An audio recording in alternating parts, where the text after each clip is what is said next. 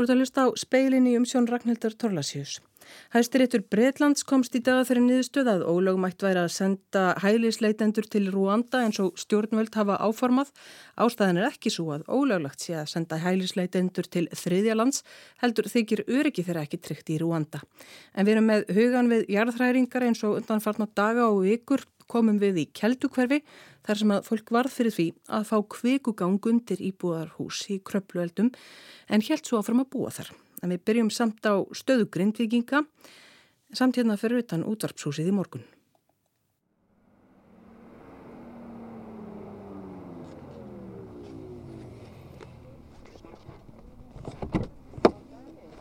Góðan dag. Er ég á leðinni nýri gamla tollhúsið í Tryggvakvöldu? Takk loka aðeins betur.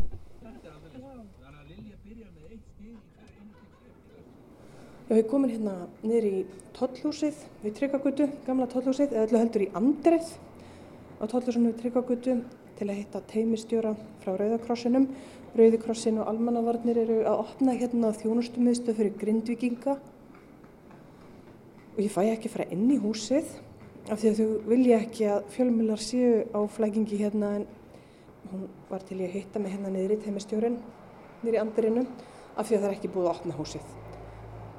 Uh, þau vilja að grindvikingar fái smá frið frá fjölmjölum og þau geti komið hingað í skjóli og þurfu ekki að mæta uh, myndavélum eða fólki að reyka framann í þá hljóðnama. Þessi þjónustum miðstöðu sé svolítið skjól á erfiðum tímum. Ég heiti Aðalhjóður Jónsdóttir, teimistjórn eðavarna hjá Rauðakrossunum og er til stuðningsinni þjónustu meðstu almannavarna. Ég kom yngi að fá að kíkja hérna inn í húsið og, og sjá hvað, hvað þið værið að undirbúa fyrir opnununa í dag. Þú varst til ég að tala við mig en bara hérna fyrir utan í andirinu. Þið viljið ekki einu svona fá fjölmjölega. Af hverju? Það er alveg bara góð ástæði fyrir því. Það er bara, núna er bara, við erum bara að undirbúa á fullu að við geta opnað núna klukkan 12 og svo í framhaldi að þá er bara mikilvægt að fólk geti komið hérna alveg óreitt fyrir öllum bara og bara, bara þannig að þeim líður vel að koma hingað. Þurfu ekki að vera að stressa með það að það sé verið einhver, einhverju vilji taka við töl og, og ná myndum og svona? Nákvæmlega, það er akkurat málið og það hefur bara allir fjölmeila umfjöldum verður bara stýrt bara rauninni frá almannavörnum upp í samaugustu almannavarna. Mm. Er, sko, hvað mun fara fram hér? Svona allavega bara frá með 12 í dag að þá er aðalega aðtrið að fólk geti komið saman og hýst og fengi kaffi og spjallað og, og svo leiðs en eh, við erum að skipulegja svona sálunarstuðning þar sem fólk getur leitað eftir svona, já, bara fyrstu sálrannu aðstof í kjölfar þessa þessa aðbörða sem er í gangi eins og staðinni núna að fólk er náttúrulega er ekki heima hjá sér og, og það er bara í mismunandi aðstöðum og kannski og langar að koma og tala við ykkur Þannig að það verður í bóði hér, það verður að fá bara einstaklingssamtöl. Eru það þá uh, sálfræðingar eða einhver áfalla teimi, eitthvað, eh, útskýr það eins nánar? Þetta verður, Rauðikrossin heldur utanum þessa, þennan lið í starfseminni og þannig að það er bara fólk með mikla reynslu, bæði sálfræðingar og aðrir sem eru, eru að sinna þessum uh, málum í rauninni allan af þess að syngja okkur.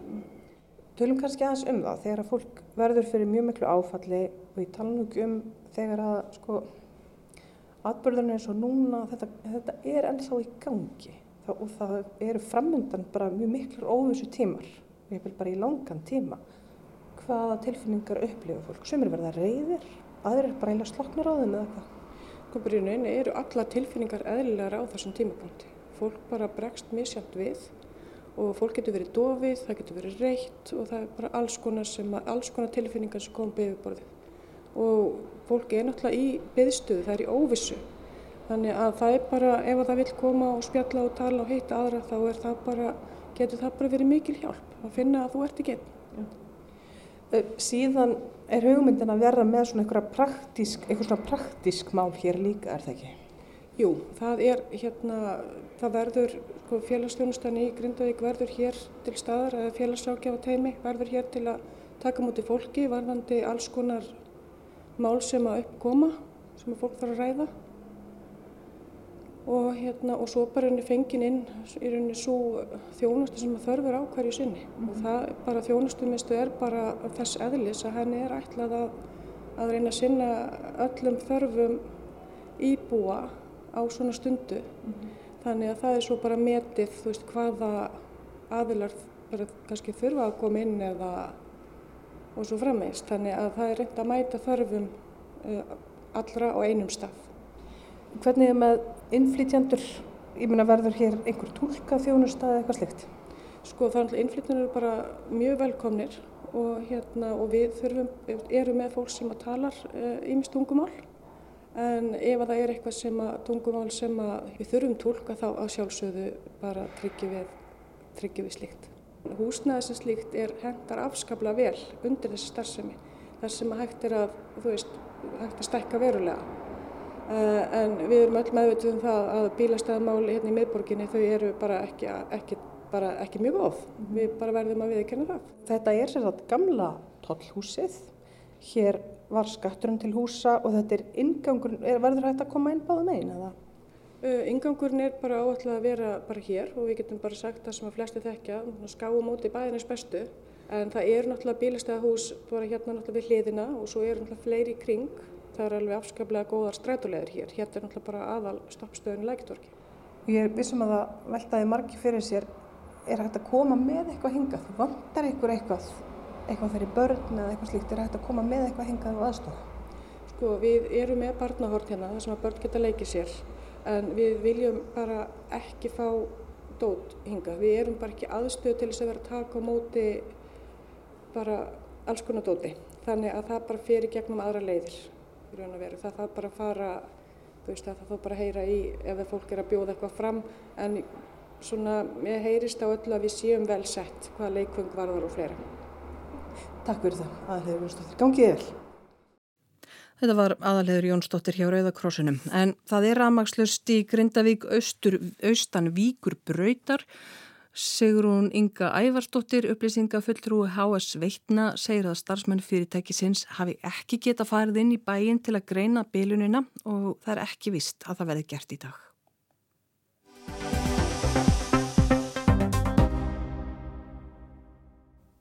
Kviku gangar, sambarlegir sem nú, þeim sem að nú liggur undir Grindavík og nágrenni mynduðust í eldsumbrotum í Kröplu fyrir bráðum 50 árum og tegðu sig alla leiðu norður í Öksarfjörð. Maður sem þá bjó í Kjeldukverfi segir það hafa verið erfiðan tíma sem nú reyfist upp við atbyrðina í Grindavík. Hann ráðlegur fólki að halda rósinni, sína gætni og flana ekki aðninu. Af 20 kvikugöngum sem mynduðust í kröplueldum sem stóðu frá 1975 til 1984 fóru tveir stæstu kvikugangarnir langt í norður átt í gegnum keldukverfi og til sjávar úti fyrir auksafyrði. Pál Einarsson jarfræðingur þekkir kröplueldana vel og afleiðingar þeirra. Hann starfaði meðal annars fyrir norðan á þessum tíma. Já, já, vissulega. Það fór alveg í gegnum keldukverfið og auðvitað miklar eh, yfirbórsbreytingar þar. Að myndaðist sig dalur mjög svipað eins og svo sem það er núna að myndast í, í Grindavík. Nema talsust stærri, bæði breyðari og dýpri. Og landið hjælt eh, áfram að síga meðan þessi gangur var virkur. Fyrri gangurinn var virkur alveg í, í, í þrjá mánuði. Og svo setni sem að hljóp líka þarna norður eftir var, var í janúar 1978 og hann eh, var virkur í þrjár vikur. Sigurger Ísaksson sem nú býr á Akureyri er frá bænum undirveggi Kjeldukverfi. Hann var því í miðju atburðana sem þar urðu og segir þetta hafa verið erfiðan tíma fyrir fólkið í sveitinni. Það var eh, náttúrulega sérstök upplifun. Þarna voru jæðskjáltar og, og sprungumyndanir og landsík.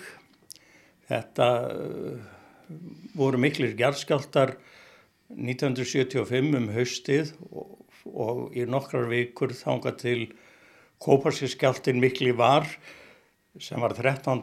janúar 76 þá sló á þetta eftir það en e,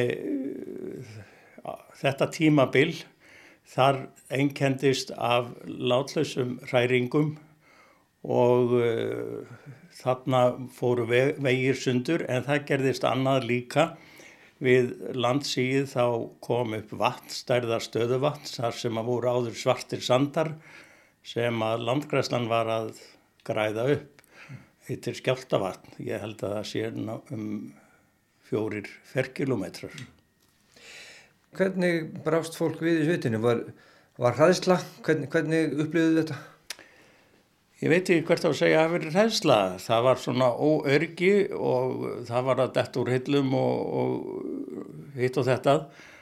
Mér fannst nú fólkið sína ótrúlega mikla stillingu þó að því veri ekki alltaf söpsapt allar nætur.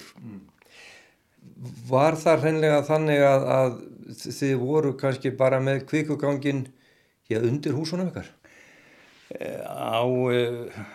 Vissu partísveitinni mun það hafa verið já þar sem að uh, stóðu þeir bæir sem eru á brotabeltinu mm. og uh, þar var uh, mesta landbrotið og, og gliðnuninn mm. og þar gekk mikið á. Það er í dag að sjá hjá þessum húsum og einmitt bara hjá undirveg sem þú segir mér, sem að þú áttur heima lengst, mm. þar er í dag bara djúpar gjár eh, út á túnni. Já, já, þar eru gjár og hlýðargerðir sem stendur austan við, þar eru glöggstu ummerkin um þetta, þessar breytingar mm. og þar duttu niður bara heilu stykkin úr vegi. En þjóðvöðurum fór líka sundur austan við Lingás og þar var, hafði vegagerðin í nóga snúast að halda honum gangandi. Algengt var að fólki keldu hverfi færað heiman ef því óðböðu lætin. Sigurger segir að bæri sveitinni hafi þó aldrei verið rýmdir með skipulögum hætti. Nei, það var ekki. Það var ekki þannig og ekki talin ástæða til þess. En það var fylst með og, og uh, mikil samband haft við fólkið. Sko. Þú varst í sveitastjórn kannski skömmu áður en þetta gerðist. Þú segir að þú varst hættur í sveitastjórn á þessum tíma. Varstu sjálfur að, að vasast í málum þess vegna? Ég var háður með í ráðum en sjálfur var ég nú ekki á otinu með það. Ég man eftir því einu sinni að Ottiti Björn í Lóni kom til mín á morgunlegi og baði mig að fara á þessa bæi þar sem mest aðeins gengið á mm. og við gerðum það og hefðum tal af fólki þarna á einum fimm bæjum. Það var ótrúlega rólegt eftir skjelvingar nótt sem það hafði reyndar ekki getað sofið mm. en, en síndi fyrðu mikla stillingu. Var það fyrir skemmtum þá eh, eftir, eftir þessa nótt og þessa nætur? Já, það voru, það voru skemmtir eftir þessa nætur. Mm. Rífjast þetta upp í dag þegar þessi óskupganga yfir í Grindavík eh, er, er, rífjar þetta upp gömlu tíman í kjellkvörinu? Já, svo sannarlega. Mm. Og þegar maður sér myndir af, af landsíkið þarna í Grindavík þá er þetta nefnilega nákvæmlega það sem við sáum hjá okkur. Hefur einhver ráð til fólks með, með upplýðnuna og, og, og svona hvernig þetta var á, á þínu tíma? Halda rósinni, það byrtir alltaf upp einhver tíman. En sína varúð og gætni. Mm. Það lana ekki að neinu. Þetta var Sigurger Ísaksson. Ágúst Ólafsson talaði við hann og Pál Einarsson.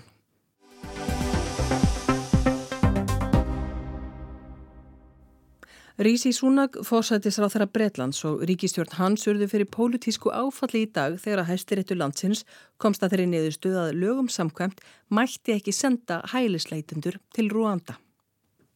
Flest benti til þess að dagurinn í dag er þið góður á stjórnarheimilinu í dáningstræti 10 þegar Breska hagstofan tilkynnti snemma morguns að ársverðbolgan í oktober hafi verið 4,6%. Hún fór mest í 11,1% í oktober í fyrra. Rísi Súnak lísti því yfir í áspyrjun að hann ætlaði að ná verðbólgunni niður um helming fyrir lok þessa árs. Samkvæmt tíðundum dagsins hefur það tekist með ágætum. Þá kom hæstiréttur Breitlands og spilti gleðinni. Hann hefur að undan förnu haft til um fjöllunar á formstjórnvalda um að senda hælisleitur til Ruanda og láta þarlenda sjá um að ákveða hvort þeir fái réttarstöðu flótamanna. Súnak lísti því einnig yfir í ársbyrjun að hann ætlaði að stöðva bátana fyrir áramót.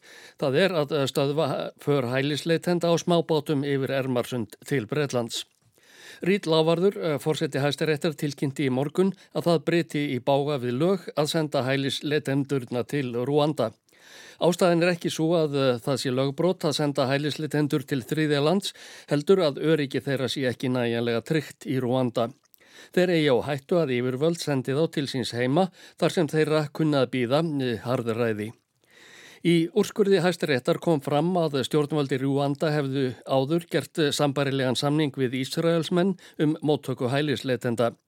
Framkvæmdinn taldist ekki viðunandi samkvæmt alþjóða lögum um meðferð flóttafólks og hælisleitenda. Þörfir á umbótum að sögnu dómsforsetans. The changes needed to eliminate the risk of reformant may be delivered in the future, but they have not been shown to be in place now. The Home Secretary's appeal is therefore dismissed. Breytingar kunna að verða gerðar síðar sem koma í veg fyrir að hælisleitendur verði sendir til síns heima í framtíðinni en þær eru ekki til staðar eins og er. Kæru innan ríkisar á þeirra er því vísað frá, sagði Rít Lávarður þegar hann las upp útdrátt úr úrskurði domstólsins. Þessari niðurstöðu var fagnað utan við dómshúsið. Tofik Hossein, lögmaður sem gætti hagsmuna sjö hælisleitenda, sagði að úrskurðurinn væri ekki einungis sigur fyrir skjólstæðinga sína, heldur væran sigur fyrir réttaríkið. It's a reminder that no one is above the law and it's timely that governments are told that they have to stay within the boundaries of the law. Þetta er áminning um að engin er hafin yfir laugin og það er tímabært að segja stjórnvöldum að þau eigi að halda sig innan rammalagana, saði Hossein þegar fjölmiðlar spurðu álits á niðurstöðu domstólsins. Fleiri lögumenn tjáðu sig og eitt sagði úrskurðin sigur fyrir mannkinnið. Engan Bilbu var að finna á Rísi Súnak þegar hann mætti í fyrirspurnatíma í neðri málstofu Þingsins í hádeginu. Hann sagði að stjórnvaldi Breitlandi og Rúanda væri byrjuð að ræða breytingar á samkómuleginu og ekki var annað að heyra en að hann væri með vara áætlun ef þær ganga ekki eftir. And furthermore, if necessary, I am prepared to revisit our domestic legal frameworks. Let me assure the House, my commitment to stopping the boats is unwavering. En fremur er ég tilbúin að endurskoða lagaramma okkar ef nöðsinn krefur. Ég fullvis að þingheim um að ákvörðun mín að stöðva bátanastendur óhögguð, saði Súnag. Ákvörðunin um að senda hælisleitendur til Úrúanda var tekin í apríli fyrra í stjórnartíð Bórisar Jónsons þáverandi forsættisráð þeirra. Með því móti var ætlunin að stöðva smikl á fólki yfir Ermarsundið. Mannréttindadómstóll Evrópu kom í veg fyrir að fyrsti hópurinn færi úr landi. Síðan hefur málið verið í byðstöðu. Stjórnvöld hafa síðastliðið hálft annað ár barist fyrir að fá ákvörðun sína staðfesta fyrir öllum domstegum með ærnum tilkosnaði en hafðu ekki erindi sem erfiði. Suella Bravermann sem Sunakar Akur ennbætti innan ríkisráþæra í byrjun vikunar barðist hatramlega fyrir því að Rúanda samningurinn næði fram að ganga. Hún sagði einhverju sinni að það væri draumur sinn og þráhíkja að sjá mynd af flugvél á forsýðu Daily Telegraph sem værið að leggja af stað til Rúanda full hlaðin hælisleitendum. Ásker Tómasson sagði frá. Fleira var ekki í speiklinum, tæknimaður var Mark Eldredd, hægt er að hlusta á speilin í spilararúf og helstu hlaðvarpsveitum, frettir verða næst saður í sjómarbi og á Rás 2 klukkan 7 Útvarsfrettir klukkan tíu eða eftir því sem að þurfa þykir núna í þessu óvissu ástandi. Ég minna á að Rúðpunkturinn sér uppfærður allan sólaringin og það er sérstök skjóltavakt á samtengdum rásum frá miðnætti þar sem frettir verða sagðar á heila tíman og ef þörfir á. Verðið sæl.